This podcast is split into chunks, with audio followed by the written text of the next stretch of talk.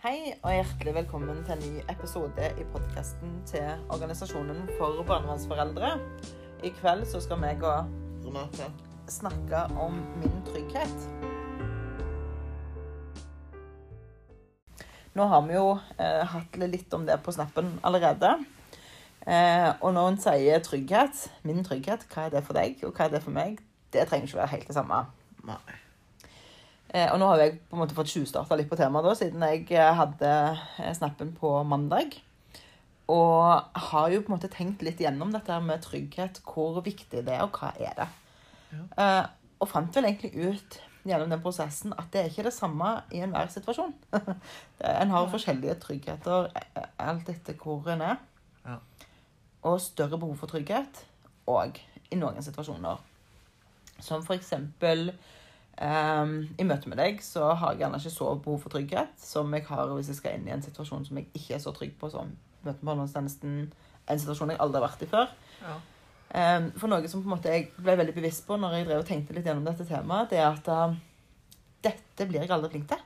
Altså Uansett hvor mange møter jeg har hatt med barnevernstjenesten, på godt og vondt, så blir jeg aldri proff på det. Det er like vondt. Jeg føler meg like utrygg, like naken som jeg gjorde for ti år siden. Oi. Why? Nei, det vet jeg ikke. Nei, og det var liksom det jeg begynte å tenke litt på. For der er kjenner ikke jeg meg igjen i det. Nei, og jeg kan jo ikke si at det har vært likt gjennom liksom alle møtene.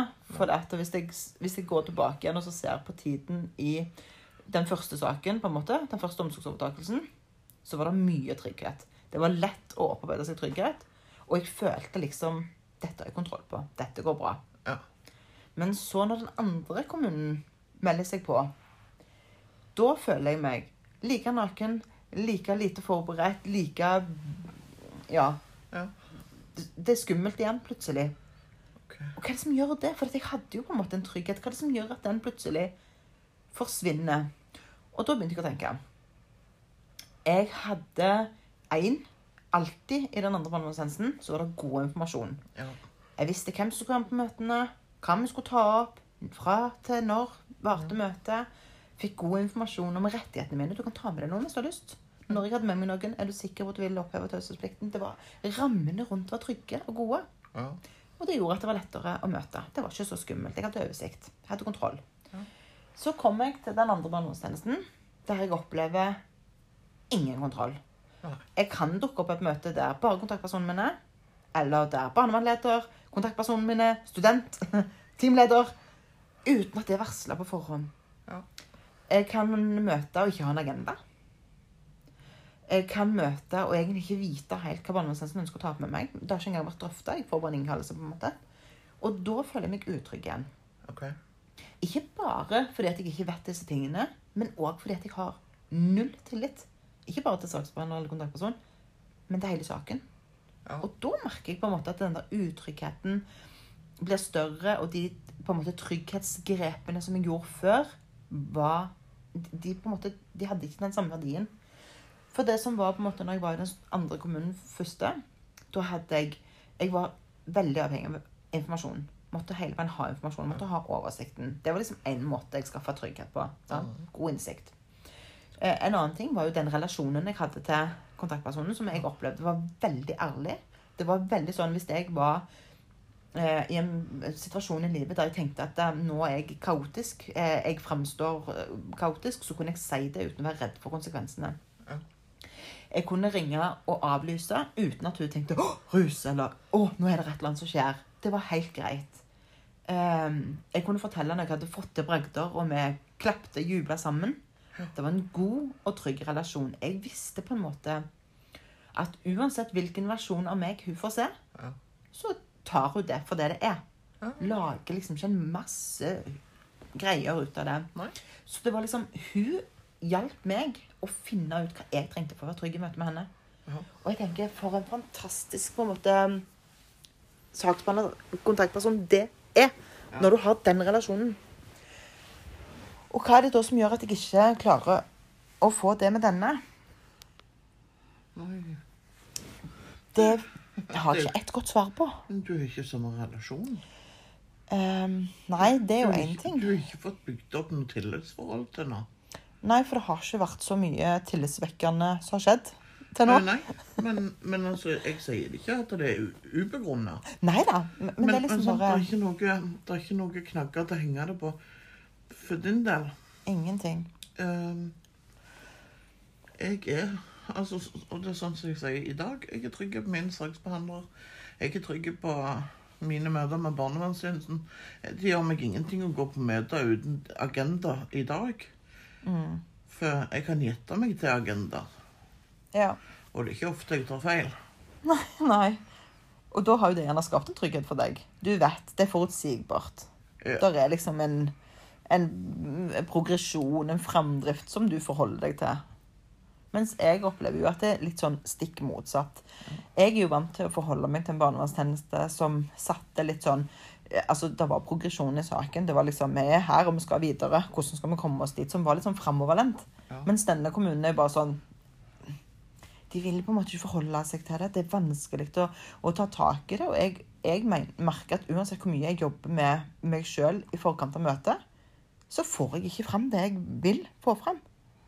Jeg vil jo på en måte få fram et godt samarbeid, en god relasjon, men jeg får det ikke til.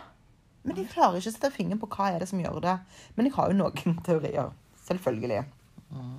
Den ene teorien er jo at eh, sist gang, eller forrige sak, så var det liksom Selv om vi var uenige om hvor vi skulle, Ja. så klarte vi å dra i samme retning. Ja. Så var vi heller enige om at den gang vi kommer til et veiskille som vi må ta hver sin vei, så må vi det. Men vi klarte likevel å dra i samme retning. I denne saken så opplever vi at vi drar i motsatt retning av hverandre. Vi, Ja. vi er ikke engang, det er ikke sånn mot, eh, vi skråner litt opp mot venstre eller litt opp mot høyre. eller litt sånn. Vi er, det er stikk motsatt. Den ene er på vei mot øst og den andre mot eh, vest, liksom. Um, da, da er, vi er ikke enige om noen ting. Ingenting. altså Verken eh, hva som er bra for barnet, hvor lenge dette skal vare, hvem som er bra. Og, ingenting. Vi er ikke enige om noen verdens ting. Ikke engang at passeringsstedet er et godt sted for han å være. Ikke sant? Sånn, det, og, og, og, og hvem sitt an, er, det, er hovedansvaret på meg Nei. eller på kontaktpersonen for å bygge denne relasjonen som skal være bra? Ikke bare mellom barnevernstjenesten og foreldrene, men òg fosterforeldrene. Altså, ja, du må jo gjøre din innsats og imøtekomme det som kommer ifra kontaktpersonen, tenker jo jeg. Mm. Altså, det er jo kontaktpersonen som er den profesjonelle oppi dette. Ja, og fosterforeldrene de er jo tross alt ansatt av Ja. kommunen for å gjøre en jobb. Ja da, de skal gjøre som kommunen sier, de. Sånn i grunnen. For min trygghet er ganske Den henger veldig tett sammen med ærlighet. Ja. Åpenhet. Jeg trenger å vite at når vi sitter rundt bordet, så kan vi snakke ærlig om det som er vanskelig. Ja. Ikke sånn at jeg holder kortene mine til bordet, fosterforeldrene holder kortene sine tett til brystet, og barnevernstjenesten gjør det samme. Vi må på en måte snakke om det som er vanskelig. Ja. Eh, og så er det jo òg sånn at, eh, som vi nettopp sa, vi foreldre er den eneste aktøren i samarbeidet rundt barnet som er privat, holdt jeg på å si. De andre har en profesjonell tilnærming og relasjon til eh, saken. Og det i seg sjøl er jo på en måte med på å gjøre eh, at dette blir en, kan bli en vanskelig samarbeidsrelasjon. Ja. Og, allik- og da er det jo de andre partene som har hovedansvaret for å få til denne trygge, gode relasjonen som skaper trygghet for oss foreldre. Ja. Em, en annen ting er jo, som jeg òg har merka er veldig trygt for meg, det er å ha god informasjon om barnet. Ikke sant? Altså, eh, hva gjør barnet nå? Har det vært noen situasjoner rundt barnet som jeg trenger å vite, enten det er skole, eller det er helse, eller det er Har det vært en konflikt i klassen, eller hva heter bestevennen hennes? Hva driver vi på fritida? Han, hun. eh, det å være litt involvert. altså Jeg har jo hørt foreldre som har møtt eh, tidligere venner av seg, som har møtt barnet på et kjøpesenter, og så gikk barnet med foten i bind, holdt jeg på å si, eller eh, armen i fatle. Eh, og så når de da treffer foreldrene, så Ja, jeg så sønnen din på kjøpesenter og har brukket armen, liksom. Hæ? Fore og som forelder så er ikke det med på å skape trygghet. Nei. At alle andre vet om barnet ditt før deg. Nei. Og det er jo en situasjon som veldig mange foreldre kan kjenne seg igjen i. Eh, Absolutt. det har vært en konflikt på skolen som hele bygda kjenner om, unntatt du Mm. eh, som er mor eller far til barnet, mamma og pappa. Ehm, og det å være orientert eh, er med for de fleste å skape trygghet. Ja. Um, Og så er det jo altså det, Hvis en skiller da på det som er trygghet i hverdagen, og det som er trygghet i relasjon med barnevernet For du har liksom møte med barnevernet, så har du samværende, og så har du gjerne møte i nemnd eller tingrett eller samtaleprosess eller hva det er. Der kan du ha liksom noen ting som skaper trygghet, og så kan du ha de som er i hverdagen. Altså, når jeg har en tøff hverdag, hva skaper trygghet eller ro for meg for at jeg skal komme gjennom den dagen? Og nå har vi jo hatt en podkast der vi snakker om merkedager, og for mange er jo det vanskelige dager. Ja. Og jeg syns på en måte når vi henvendte oss til medlemmene for å spørre hvordan kommer du deg gjennom disse dagene, så var det vanskelig å ikke på en måte få en klump i brystet når du så hva de skrev. Ja. Hvordan mange av de stenger ned for å ikke sosiale medier, eller de orker ikke å gå ut fordi det er så mye. Og jeg tenker at Da kan en òg bruke liksom noen av de tingene som vi snakket om der, i forhold til dette med merkedager, og gjøre det til ditt eget. Ja. Og det må en gjerne gjøre med hverdagen òg. En må liksom ta litt sånn kontroll over hverdagen og skape trygghet som en sjøl kan leve videre med. Ja. For mange ungdommer som jeg har snakket med, eh, ikke bare vi som organisasjon, men òg andre organisasjoner har kommet eh, Det er jo det at eh, når jeg ser at mamma og pappa har det greit, så kan jeg ha det bra i fosterhjemmet. Når jeg ikke vet hvordan mamma og pappa har det, så strever jeg mer med å slå meg til ro og ha på en måte fokus på min hverdag. Ja. Og det tror jeg er liksom noe som foreldre gjerne må jobbe litt med. Det er å, og det betyr ikke at en skal ha at en, liksom det en har opplevd, er bare piece of cake og full kontroll. Men at en utover, altså mot barnet har litt sånn fokus på at barnet skal ikke li for at jeg har det vanskelig.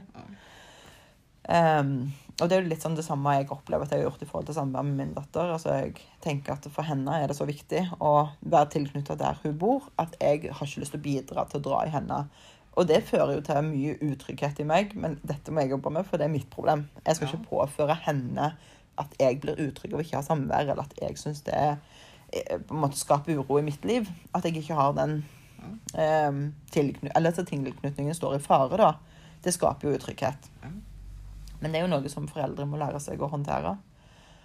Eh, og da tenker jeg at det å bruke liksom, de elementene som en òg bruker i hverdagen, kan en bruke Nei, på merkedagene kan en bruke i litt mindre skala overfor hverdagen. Ja, ja. Um, og for noen som har det som verst, så er liksom bare det å komme seg ut av senga om morgenen Check, sant? Da har jeg gjort det. Det er en bra ting. Det er trygghet for meg at jeg vet at hver dag så har jeg en grunn til å stå opp.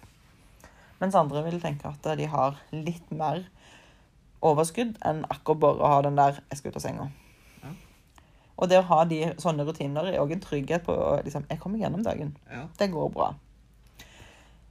For meg så var en av de viktigste knaggene når jeg hadde det vanskelig, det var jo nettverket jeg hadde rundt meg.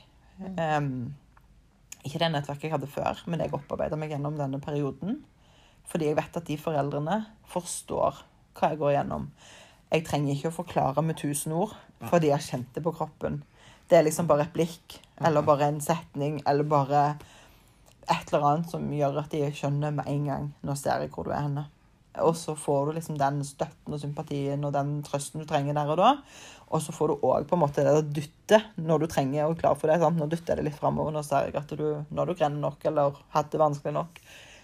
Det å vite at du har et nettverk i ryggen som forstår hva du går gjennom, ja. det er trygghet. ja. Og det er på en måte-. Og det er noe jeg unner alle barnevernsforeldre å ha når de kommer i den situasjonen der barnevernet røsker barna ut av hjemmet. At du har noen som kan tenke at 'jeg har noen'. Og hvis en ikke har på en måte nettverk som en har bygd opp i Kanskje det enten det er i undersøkelsessaken eller har vært i, inn og ut av barnevernet over flere år og ikke har fått danna seg det nettverket, så kan det bli ganske vanskelig å gjøre det der og da, når Ja. den situasjonen oppstår. Og det er jo en av grunnene til at vi syns det er så viktig å danne nettverk rundt forbi i landet. Fordi at vi tenker at den dagen da blir en omsorgsovertakelse, om det er i Alta, eller om det er i Molde eller Kristiansand, så skal vi ha noen rundt som forstår og kan ivareta. Og det er med på å skape trygghet for meg. Det betyr jo ikke at det er en trygghet for alle som havner i den situasjonen. Eh, første gangen jeg havna i den situasjonen, så hadde jeg veldig behov for at det skulle være noen der. Andre gangen så ville jeg jo helst ikke at noen skulle komme inn, for jeg ville bare grine i fred, og jeg visste at dette kom til å gå over. Det er vondt nå, Ja. men det kommer til å gå over. Og det visste jeg ikke første gangen. Nei. Og det gikk mange flere uker jeg hadde det vondt. Altså, jeg, jeg, Da grein jeg jo nesten konstant i fem uker. Nå var det liksom to dager der jeg virkelig gravde meg ned, og så var det over. Eller ikke over, men jeg håndterte hverdagen etterpå. Eh, mens forrige gangen så gjorde jeg jo ikke det. Det var grining, det var rusing, det var flykt. ikke sant? Jeg ville ikke forholde meg til det. Eh, sånn jeg hadde jo, Og det er jo òg trygghet. ikke sant? Når du har gjort en erfaring, så har du den tryggheten med deg. Ja. Det gjør dritvondt, men det kommer til å gå over. Ja. Um, folk som har mista noen de er glad i, det gjør dritvondt, men du kommer over det. Det betyr ikke at du glemmer den personen, eller at den personen ikke er viktig, men du vet Når du, har gjort det først, når du gjør det første gangen, så tror du at det går aldri over. Det er så vondt. Så det, blir, det også blir jo en trygghet. Trygghet i erfaringer som en gjør seg gjennom livet. Og det tror jeg det tror jeg er min, mitt svar på, på trygghet. En, liksom det å ha det nettverket, det å gjøre disse gode erfaringene. Eller dårlige òg, for så vidt. For det er jo kunnskap, det òg. Ja. Dette gikk drit. Her må jeg gjøre noe for at det skal gå litt mindre drit neste gang. Ja. Så er det ikke så lett kanskje alltid å se det når du føler deg helt avkledd og liten etter et møte med barnevernstjenesten. Men etter noen timer, etter noen refleksjoner, etter noen drittslenging til venninner, og noen plutselig bare har en idé du har ikke tenkt på, så plutselig så Det har jeg ikke tenkt på. Og da gjør du deg en erfaring. Og det blir trygt. Det blir i hvert fall litt tryggere. Det gjør det. Ehm, og så tror jeg det er viktig å tenke at selv om en gjør seg noen erfaringer, som jeg òg har gjort gjennom mange mange år, så kan du gå på en smell av to og ti. For det om. Ja. Jeg kjenner ikke ennå at jeg er liksom dritproff i møte med barnevernet. Men jeg tror liksom at hvis vi hadde spolt tilbake igjen, og jeg hadde kommet inn i den forrige saken igjen, så skulle jeg klart å samarbeide der hvis det var andre forutsetninger òg til stede enn akkurat de som var. Ja. Men med denne, som jeg er i nå, så tenker jeg jeg tror aldri vi kommer til å se helt likt på ting. Og det kommer, jeg tror aldri jeg kommer til å føle trygghet i forhold til denne relasjonen lenger. For den barndomssensen har ikke det De ønsker ikke, egentlig, tror jeg, å samarbeide og få det til. De ønsker å holde meg på avstand og bare liksom trykke meg ned og ja, jobbe med sitt og la meg helst vil de, eller, De vil helst at jeg skal la de være i fred, så de kan jobbe med det de har lyst til, og ikke blande meg inn i det. Og så er det sånn, hver gang jeg får en S- av SMS og saksbehandler, så blir det sånn Hæ? Ja, du brydde deg om hva jeg hadde lyst til òg. Ja, men det var hyggelig. så, og etter hvert så ja, så blir jeg kanskje litt tryggere i det, men, men at det, det kommer aldri til å bli sånn som det er på kommunen. Det, det tror jeg ikke. Nei. For den saksbehandleren der er one of a kind. Jeg kommer aldri til å møte en, en så flott eh, kontaktperson igjen. Og det, det er synd egentlig at det er så tilfeldig. Ja. Og hvor, og hvor tilfeldig det er hva eh, kjemi du har med den. For selv om jeg har gode erfaringer med så kan du ha dårlige. Ja, og absolutt. Jeg har jo Altså, når du er på en måte forholder deg til en litt liten barnevernstjeneste, så er det jo klart at da, du kjenner flere som har vært borti det samme, og noen har jo helt ræva erfaring med den, mens jeg å, nei, hun syns jeg var helt OK, liksom. Det, jeg har hatt noen som verre. Det er, det er så ulikt. Det er ikke sånn at hvis vi bare skriver sånn dette må alle kontaktpersoner i barnevernet gjøre, og så er det innafor. For dette, du har noen behov, jeg har noen helt andre behov. Ehm, og så er det jo sånn at jeg hadde ikke de samme behovene den gang da, i 2010, som jeg har i dag. Mm, nei. Men samtidig så er jeg litt irritert på meg sjøl, for jeg tenker jo at jeg burde jo på de tolv åra ha lært noe. Men kunnskap Det jeg har lært, har ikke gitt meg noe. Det har ikke gitt meg noen fordeler. Det har ikke gitt meg en bedre oversikt eller 'Nå tåler jeg det bedre'. Jeg tåler det akkurat like lite godt denne gangen som jeg gjorde da. Og det er litt frustrerende. Men så kan jeg ikke legge alt ansvar på meg sjøl heller. Jeg må jo tenke at her er det en barnevernstjeneste som òg må gjøre jobben sin. Og jeg innbiller meg og tenker at hvis de hadde hatt et annet fosterhjem å forholde seg til, barnevernstjenesten altså, så hadde de kanskje syntes det var litt lettere å samarbeide med de òg. Men de kommer aldri til å innrømme det. De kommer alltid til å på en måte heie fram dette, for det, det er jo tross alt de som er profesjonelle. Og jeg ser den Ja. ja, dritten jeg er. Ja. Så det Nei. Hadde du lyst til å si litt om hva som er trygghet for deg? Det må være nettverket. Mm. Familienettverk. Mm. Og det at jeg Holdt jeg på å si det At jeg har noe som oppholder tida mi òg. Altså at jeg har ting jeg engasjerer meg for for å oppholde tida. Ja. Ja, for det kan Altså, jo for noen har en jobb. Det er ikke jeg som er ufør. Um, For da gir du på en måte litt sånn grenser for uh, Jeg kan tenke på det da, men så må jeg jobbe litt. Da får, ja, så en rydder jo litt sånn plass, på en måte. I, Ja, men sant, altså Det er jo det at da, når du da er ikke har jobb eller er ufør, så står du òg uten det nettverket de Ja. fleste som er i jobb, har på jobb. For de fleste har kollegaer Mm. som de spiser lunsj med, eller ja, Ja. studerer sammen med. ja. Og det kan jo være en trygghet for mange. Bare det at noen sier god morgen om morgenen og 'jeg ser deg', på en måte. Hvordan går det? Det mm. Så, så for meg som er ufør, så er det godt å kunne engasjere seg i noe. Om det er festival, eller om det er medlemspleierjobben min, så syns jeg begge deler er kjekt uh, å holde på med. Mm. Begge ting er givende, og det gjør at eh, jeg får en form for trygghet. Ja. Mm. Og det er jo noe medlemmene òg har sagt liksom, gjennom mange år, at eh, noe av det de syns har vært det beste, det er jo det å møte andre i samme Ja. situasjon.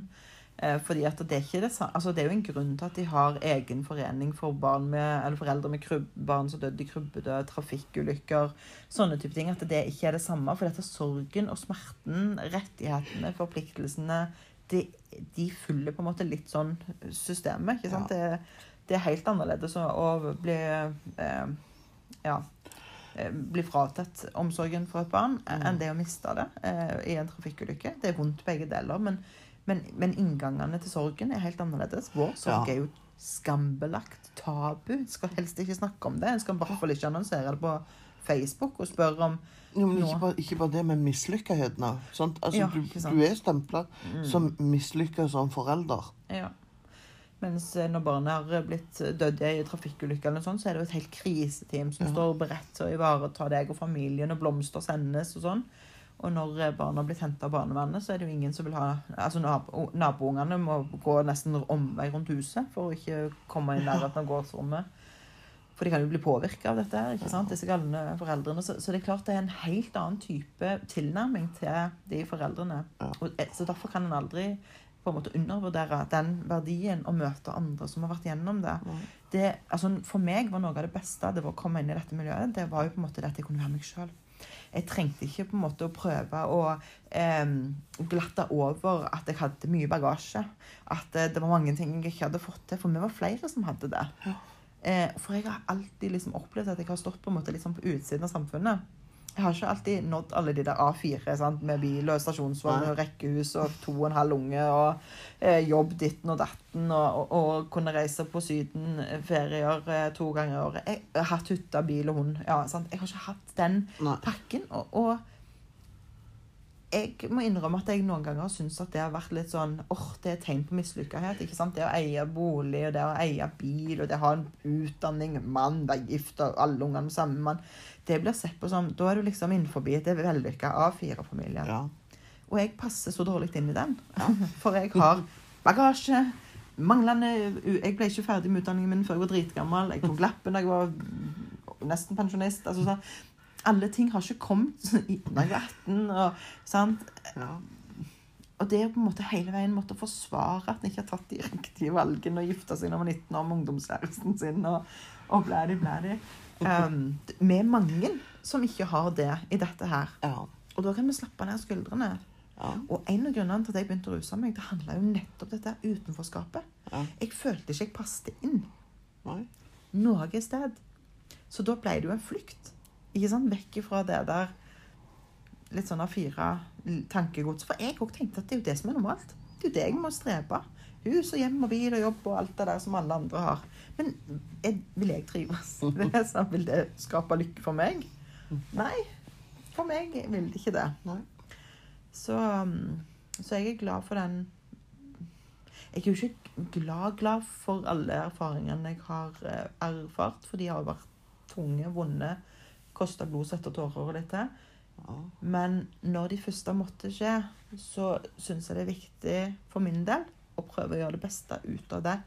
Ta noe lærdom, ta noen grep, utvikle seg, bli noe annet enn det du var.